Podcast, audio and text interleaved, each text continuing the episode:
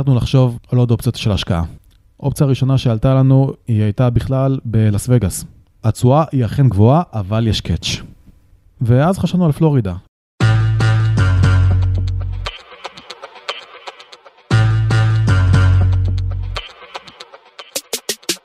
תכירו את אלון נדיבי, לכאורה הוא הכי בבורגנות. חי עם החברה בקריית אונו ועובד בראש העין, אבל בכל הקשור להשקעות, האיש לגמרי העיף לי את הראש. לפחות עד פלורידה. זה התחיל בהשקעה משותפת עם המשפחה בבית צמוד קרקע שעלה כ-100 אלף דולר, והמשיך שם עם עוד ועוד בתים להשקעה. אז מה מושך את הנדיבים להשקיע דווקא בפלורידה, ואיך בכלל עושים את זה? אני גיא ליברמן, עורך תחום הנדל"ן בעיתון גלובס, ואתם מאזינים לפרק הרביעי בפודקאסט כסף בקיר. סיפורים על אנשים שהחליטו להשקיע את הכסף שלהם בנדל"ן. והיום אנחנו עם משקיע שלגמרי תפס אמריקה. אבא שלי תמיד חשב שלהשקיע בארצות הברית זה יהיה רעיון טוב, כי הוא ראה בתור המדינה הזאת בתור מדינה מאוד בטוחה ויציבה מבחינה כלכלית. אבל תמיד משהו עצר, אם זה בגיל מאוד צעיר, כשאימא שלי נפטרה, אז לא היה לו עוד יכולת כלכלית, ואז פתאום להחזיק שני ילדים, וגם אז כשהוא רצה לעשות את זה, זה היה או לקנות נכס בארץ כדי שיהיה לו קורת גג, או להשקיע שם, אז הוא בחר בארץ כדי שיהיה קורת גג, כדי שתמיד יהיה את האופציה הזאת. ואז קרה הברוך של 2008, שהכל התרסק שם ברמה שאף אחד לא תיאר. ואז חשבנו, האם זה זמן טוב כרגע להשקיע? יושבים בארוחות משפחתיות ואתם מדברים על כסף, בעצם כן, איך להרוויח שישי, כסף? כן, זה ארוחות שישי שלנו ככה. עכשיו, אתם בטח טועים בלב, מה כל כך מיוחד? הרי גם אצלכם מדברים סביב השולחן על כסף. אלא שאצל הנדיבים, הדיבורים מתישהו הפכו לתכלס. אופציה ראשונה שעלתה לנו, היא הייתה בכלל בלאס וגאס. אמרו לנו, יש עניין של להשכיר הרבה דירות בלאס וגאס, הרבה אנשים שמגיעים לעיר הנופש הזאת, המלונות מאוד יקרים. אופציה זולה יותר עבורם, הם פשוט משכירים בתים. מצאנו שם חברת ניהול שעושה את זה. הם הסבירו לנו את כל התהליך. התשואה היא אכן גבוהה, אבל יש קאץ'. ברמת העיקרון, אסור להשכיר בתים שם לנופש. יש תקנים של עירת לס וגאס שקובעים מה מותר לצורך בילוי, מה מותר לצורך מגורים, ואמרו לנו, אם בסופו של דבר אחד השכנים מתלונן, ובודקים ומוצאים שזה אכן מושכר למטרה של טווח קצר, אוסרים את זה עליך, וכמובן יש קנסות. אז זה עניין של משחק והחלטנו לא להיכנס לסיכון הזה, למרות שהאחוזים שם מאוד יפים. כשאתה אומר אחוזים יפים, מה... בסביבות מתכוון? ה-10% נטו. יפה. כן. ואז חשבנו על פלורידה. למה פלורידה? כי יצאנו לטייל בה לא מעט פעמים, כי היא מדינה מאוד נחמדה, מאוד נוחה לישראלים, גם במזג האוויר, גם בהתנהלות. יש שם הרבה ישראלים ויהודים בפרט. ובאותם שנים, אבא שלי היה עובד בטקסס דרך אה, חברה בארץ, וכל הפעם ה connection שלו היה במיאמי. אבל הבעיה שאנחנו לא מכירים אף אחד במיאמי. אז בעצם פה מתחיל מסע של לחפש את הבן אדם שיסביר לנו את כל התהליך מהצד האמריקאי, איך קונים נכס בארצות הברית, איך אנחנו מעבירים את הכסף לשם, איך בכלל עובד כל עניין תשלומים שם, זה עובד אחרת לגמרי מאשר פה בישראל. כששאלתי את אלון כמה זמן הם חיפשו את האיש הנכון, הוא ענה שלא פחות מחצי שנה. מה קנה אותם? בחור חרוץ, שעושה עבודה מאוד טובה ויודע איך להתנהל מול אנשים, ובגלל זה החלטנו ללכת איתו, ועד היום זה עובד מצוין. יחסים שהם גם עסקיים אבל גם חבריים. אוקיי, אז לוקיישן יש וגם סוכן. אז איך מתחילים? לי בתור ישראלי אסור לרכוש נכס בארצות הברית. אז מה עושים? חברה יכולה לרכוש נכס? לא. מי כן יכול לרכוש? אזרח אמריקאי או חברה אמריקאית. אוקיי, אז חשבנו על זה. חברה אמריקאית אנחנו יכולים להקים? אתה יכול להקים חברה אמריקאית, אין בעיה. עכשיו איך אני מעביר כסף? הרי אני אדם פרטי שמעביר כסף לחברה. אוקיי, יש כמה דרכים לעשות את זה, אבל הדרך הכי חכמה לדעתי זה להקים חברה ישראלית פה בארץ. אז באתי לפה, יש לי פה רואת חשבון וגם עורך דין, מקימים חברה בארץ, מלווים אליה כספים שיש לנו, חסכונות אחרי שהיו בבר מצווה ושברנו אותם. כסף שהיה לי, הייתי עובד מהשנייה שהשתחררתי והרווחתי משכורות מאוד טובות לזמני, וכל הכסף בעצם העודף שנותר לי שמתי שם, גם אחי תרם את חלקו, וגם אבא שלי כל מיני חסכונות שהיו לנו גם צירף, וככה הגענו למצב שהיה לנו בסביבות 400 אלף שקלים, מוכנים כבר לקניית בית ראשון. רגע לפני שנדבר על הרכישה הראשונה, לאלון חשוב להסביר מדוע הם התעקשו להקים חברה עם כל בית שהם קנו, וכפי שהוא מספר, יש הרבה יותר מאחד. על כל בית יש חברה בארצות הברית. למה זה נכון? א', כדי למדוד תשואה באמת של נכס מסוים ואת כל ההוצאות וההכנסות. ב', לצורך העניין, אם יש לי דייר בבית שלי. לא יודע, מסיבה שאני התרשלתי, הבית קרס, הרג לי את הדייר. באה משפחה תובעת את החברה, היא לא תובעת אותי כי, אני, כי זה חברה בעם. מה הם נכסי החברה? רק הבית שקרס. אם זו חברה שכוללת כמה נכסים, הוא יכול לתבוע את שאר הנכסים של החברה. Hmm. ובארצות הברית זה יכול להיות מאוד קיצוני, או שפוסקים, זה הולך לשני הקיצונים, או שפוסקים בטובתך, או שפוסקים כמעט הכל לטובתו. אין בדרך כלל משהו באמצע. אז נכון, זה עולה עוד קצת כסף, זה לא עוד עולה הרבה, זה בסופו של דבר עוד 150 דולר בשנה לכל חברה רק בשביל השם, אבל זה כן שווה את זה. וזה משהו שחשוב להסביר שם, שדרכי קיצור לא עובדות שם. מי שמחפש דרכי קיצור מאוד אה, יחווה מהעניין הזה. לקראת העסקה הראשונה שנערכה ב-2013, אלון טס לפלורידה והוא מסביר למה זה חשוב. כמובן שטסים. באים, וגם בפעם הראשונה אתה חייב להיות נוכח, כי עם כל העניין של הפרוצדורה, הפתיחה החברה האמריקאית, הזרמת הכספים להקמת חשבון, הכל, אתה חייב להיות נוכח שם. אז כמובן זה חלק מהתהליך, באים, פותחים את החברה, נפגשים שם עם רואת חשבון, נפגשים שם עם העורך דין, ממלאים כל הטפסים, ואז עושים את ההעברה של הכסף מהארץ לחשבון שם. ואז בעצם מתחיל כל התהליך של הקנייה של הנכס. מה זה הנכס? אתה יכול לספר קצת? כן, זה נכס שנמצא במחוז שנקרא West Palm Beach. הוא צפונית למיאמי, בערך שעה ורבע נסיעה.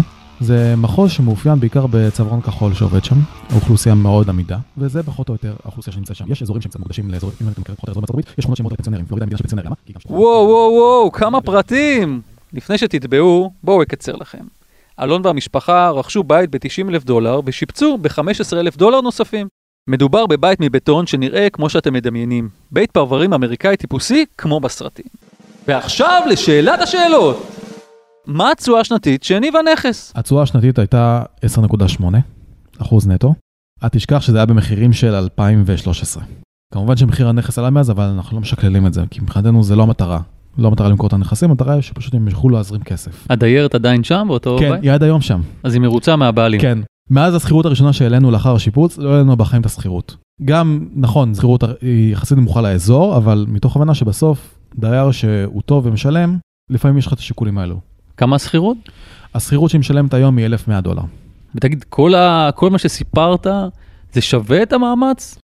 הבית הראשון לוקח המון שעות של התעסקויות.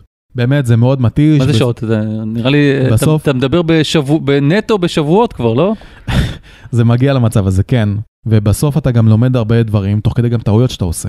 לפעמים אתה לא מדווח נכון, לפעמים אתה לא מסווג הוצאה כמו שצריך. לפעמים התוכנה שבחרת לעבוד איתה היא לא התוכנה הכי טובה, ואז אתה לומד את הטעויות האלה תוך כדי, וזה בסדר, זה מה שנקרא שכר הלימוד על הדבר הזה. אבל ברגע שאתה מצליח להבין את הנכס הראשון איך הוא עובד כמו שצריך, ואחרי שעברת את המחסום הפסיכולוגי של המרחק, זה עובד כמו שצריך. נשמע שנכנסתם פה ממש לעומק העניין, זה לא שעכשיו אני קונה פה איזה דירה ויאללה נתחיל ככה לרוץ. כן, אני חייב להגיד, זה היה הרבה יותר מורכב ממה שצפיתי. הייתי בטוח שהחלק של החישובים זה היה החלק, הק... זה היה החלק הקשה, אבל זה היה החלק הקל ביותר. ולאחר מכן, אחרי שנה וחצי, השתחררנו עוד קצת כסף. החלטנו לעשות מעשה ולקנות עוד בית. אך חסר לנו עוד כסף, אז מה עושים? מוותרים על מותרות של חיי היום-יום. אני, היה לי את האפשרות שעדיין גרתי אצל ההורים שלי אז, והייתה לי משכורת מאוד גבוהה, אז יכולתי להפריש חלק גדול משם. והחלטנו שאנחנו מוכרים את אחד הרכבים בבית, ואז עוד כסף שנוצר לנו מהשכירות שם, שלא נגענו בו, יכלנו לאסוף מספיק כדי לקנות עוד בית. והפעם זה עבר הרבה יותר בקלות. את הנכס הזה לא טסתי לראות. אז מה זה הבית השני שקניתם? הבית השני הוא גם באותו מחוז. אני אתן טיזר, כל הבתים באותו מחוז. אוקיי. הוא רחוק במרחק של אה, עשרה מייל משם. אותו סגנון של בטון, הבית כבר היה אחרי שיפוץ, אבל לא היה בו דייר. ואז כשאתה קונה נכס בלי דייר, אתה קצת מפחד, כי אתה אומר, מה יקרה אם לא יבוא דייר? בעצם אתה צריך לשלם את כל המיסים כרגיל, הכל. ולמזלי, בתוך תהליך הקנייה הגיע דייר, אז נוצר מצב שיומיים אחרי שרכשנו את הנכס כבר נכנס הדייר. השנה היא 2015 והנדיבים כבר עם שני נכסים שמניבים להם הכנסה חודשית קבועה. אבל זה ממש לא עצר כאן. ואז קרה מקרה, סבתא שלי גרה בדירה בפתח תקווה, והחליטה שהיא רוצה לעבור לבית אבות, כי הדירת ארבעה חדרים הייתה גדולה עליה, היה לה קשה להחזיק את עצמה. אוקיי, חיפשנו בתי אבות, וגילינו שבתי אבות בארץ עולים לא מעט כסף. אז שלחתם אותה לפלורידה. לא. שלחנו אותה למקום כמעט כמו פלורידה, לבית גיל פז בכפר סבא. ואז כשראינו את המחירים, החלטנו בהתחלה להשכיר את הדירה שלה פה, כדי לכסות חלק מהעלויות. ואז הבנו שזה לא יעמוד בקצב הזה, והחלטנו למכור את הדירה, אז על דירה בפתח תקווה ארבעה חדרים במיליון 200, וקנינו לה שלושה נכסים שם, שהם הכניסו לה כל חודש את השכירות. אז אם על דירה בפתח תקווה הייתי מקבל 4,500 שקל, פה הייתי מקבל כ-2,400 דולר נטו. זאת אומרת, היום לסבתא יש שלושה בתים בפלורידה, נכון. שהם מממנים את, את הדיור מוגן בכפר סבא. זה מממן חלק מהדיור, כי עדיין 2,400 דולר זה לא מספיק להיום, אבל זה ממלא את רוב ההוצאות שיש.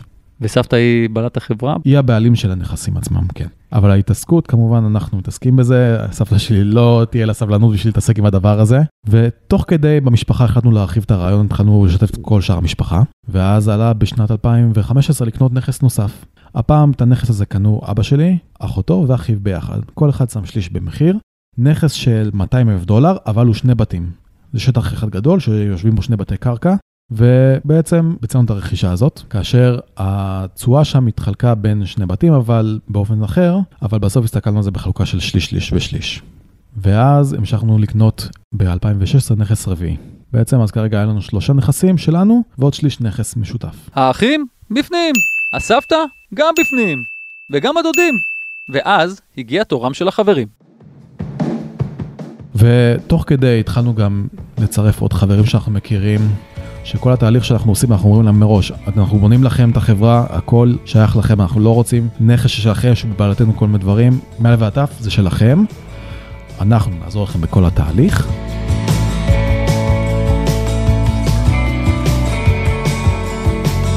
זה מדהים איך פתאום מרעיון על בית אחד, זה נהפך למשהו מאוד גדול. זה הגיע מצב שהיום זה אוטומטי כל כך שההתעסקות שלי באמת ברמה של להתעסק בזה שעה, שעה וחצי בשבוע. עכשיו הזכרת 19 נכסים שלכם ספציפית. כרגע היום ארבעה. ארבעה, וכל השאר זה למשפחה מש... ולחברים ש...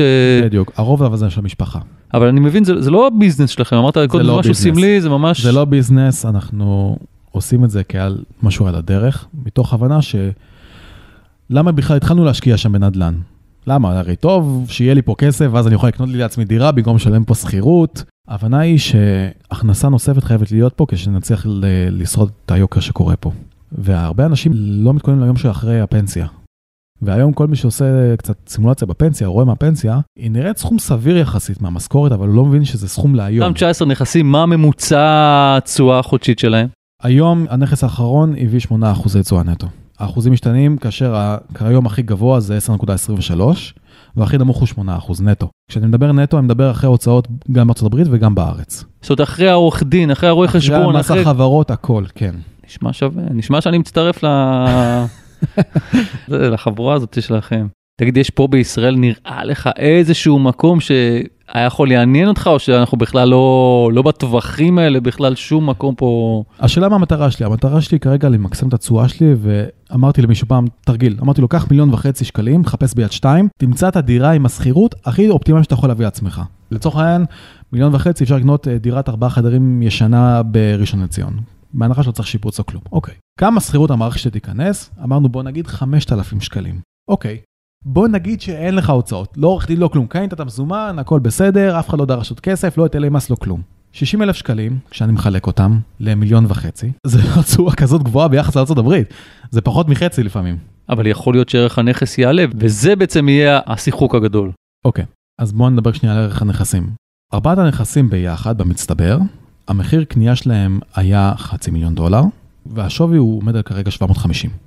זאת אומרת, אנחנו מדברים על... 50 אחוז עליית ערך. עכשיו אתם בטח אומרים לעצמכם, די כבר עם סיפורי המעשיות, ושלא הכל נוצץ. האמת, גם אני חשבתי ככה. אז שאלתי את אלון למשל על דיירים שמפסיקים לשלם. לדברי אלון, הם נתקלו במקרה כזה, אבל שבניגוד לישראל, שם השיטה דואגת לטיפול מהיר ויעיל במי שמפסיקים לשלם. שם עניין של ערבות, זה לא צ'ק בנקאי שנותנים, זה ערבות שמופקדת בחברת נאמנות.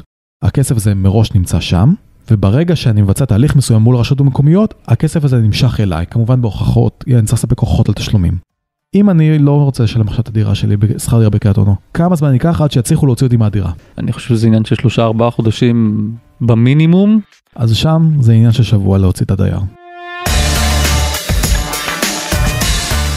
הסוכן שלי, שהוא מיופה כוח מטעמי, מגיע, זה נשמע מצחיק שאומר את זה, אבל מגיע למשרד השריף המקומי עם המסמכים, מציג הוכחות שהדייר הפסיק לשלם, מהרגע שהבאת לו התראה אחרונה, יש לו שבוע לשלם לך. אם לא, מתחילים בהליך של פינוי.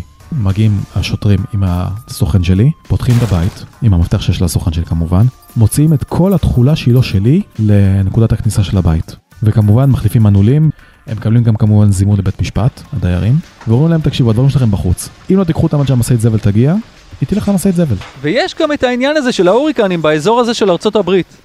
אלון אומר שגם במקרה הזה הוא לא ממש חושש. מקרה אסון טבע שבאמת הוריקן שלא, שלא נראה כמותו. עוד לא קרה עד היום, אבל כן יכול לקרות איזה אסון. אתה אומר, זה לא עניין של אם זה יקרה, זה עניין של מתי זה יקרה. בגלל זה יכולנו ללכת מהבתים בבטון, כמו שבונים פה בארץ, זה מחזיק, גם אם קורה נזק, הוא לא נזק משמעותי. הכלכלה שם כרגע צומחת, היא מתאזנת לכיוון מאוד חיובי, אבל אתה אומר, מתי תהיה הנפילה הבאה, והאם תהיה חלק ממנה? דרך אגב, בנפילה שהייתה, אמנם מחירי הבתים ירדו, אבל אז מחירי השכירות בארצות הברית עלו, כי הרבה אנשים היו חייבים יותר לגור בשכירות. אז כל מי שהיה בעל נכס נהנה מזה. אז אתה לא צופה היום אבל קריסה... אני בארצ- לא צופה. כרגע הכלכלה שם מאוד מתחזקת, אתה רואה את זה גם בתנועתיות, בייחוד בספציפית מדינת פלורידה, מדינה שהיא נהנית מהגירה מאוד חיובית אליה. טוב, אלון, נשמע... אני חייב להגיד שלמדתי הרבה, באמת. אז אני מאוד מודה לך. ועכשיו בואו נשמע מה חושב פרשן הנדל"ן שלנו אריק מירובסקי על אלון, המשפחה והבתים בפלורידה. אהלן אריק, שמעת את אלון? נו, מה חשבת? אני חושב שזה סיפור שעבר סוויץ' מאוד מעניין. הוא התחיל מהנקודה הגרועה ביותר של משקיע שאני יכול לראות אותה, וזה השקעה בגלל איזושהי אמונה שבאמריקה הכל טוב והזהב נמצא על הרחובות. חברים, אנחנו כבר יודעים לא מעט זמן שיש השקעות מאוד גרועות בארצות הברית, אנשים נפלו שם לא מעט. אבל אנחנו רואים מצד שני את ההתמקצעות של המשפחה בכל הקשור להשקעות. אנחנו רואים הסתייעות באנשי מקצוע מקומיים, ושימו לב, יש המון פעמים, ואנחנו שומעים לא מעט סיפורים על ישראלים שמשקיעים באמצעות חברות ישראליות אה, כלשהן שמשקיעות בנכסים כאלה ואחרים, ולאחר מכן מפסידים, וזה נגמר לא פעם במשפטים ובהפסדים אה, כבדים. הוא כרגע מנהל שם 19 נכסים, בדרך לנכס ה-20. לדעתך זה נכון להתמקד רק במקום אחד, בפלורידה ובאזור ספציפי, או שכדאי גם למשקיע ללכת גם למקומות אחרים? זה כבר גישה אסטרטגית של משקיע. ואגב, אה, כשאתה מדבר על 19, 20 נכסים, אנחנו כבר מדברים על משפחה, שזה המקצוע, זה הייעוד. משקיעים מקצועיים, חברות החזקה, אמנם הוא מפצל את זה בין, את הנכסים בין אה, מספר לא קטן של חברות, מהסיבות העסקיות שלו. זה כבר החלטה אם להשקיע במקום אחד או לפזר את ההשקעה במספר מקומות, זה באמת החלטה אסטרטגית של משקיע. מה אתה חושב, היית הולך כמוהו ומשקיע באותו מקום, או פוזל למקומות אחרים? בארצות הברית יש שוני גדול מאוד בין מדינה למדינה, ולכן ללמוד כל מדינה מחדש וכל עיר, וזה עבודה לא פשוטה. כנראה שאלון ומשפחתו יודעים מה הם עושים. תודה אריק. אנחנו מסיימים את הפרק הרביעי של סדרת הפודקאסטים כסף בקיר. לא יודע מה איתכם, אני ממש נהנה מהפודקאסט הזה, ואם בא לכם לשתף אותנו במחשבות שלכם, חפשו אותנו באתר גלובס, בפייסבוק, באינסטגרם, ואיפה לא. לפני שניפרד, אני רוצה להמליץ לכם בחום על אנליטי, הפודקאסט השבועי של דרור פויר. פשוט חוויה לאוזניים. תודה לאלון, לאריק ולעורך הפודקאסטים של גלובס, רון טוביה. אני גיא ליברמן, זזתי לקנות כרטיס טיסה לפלורידה. ביי!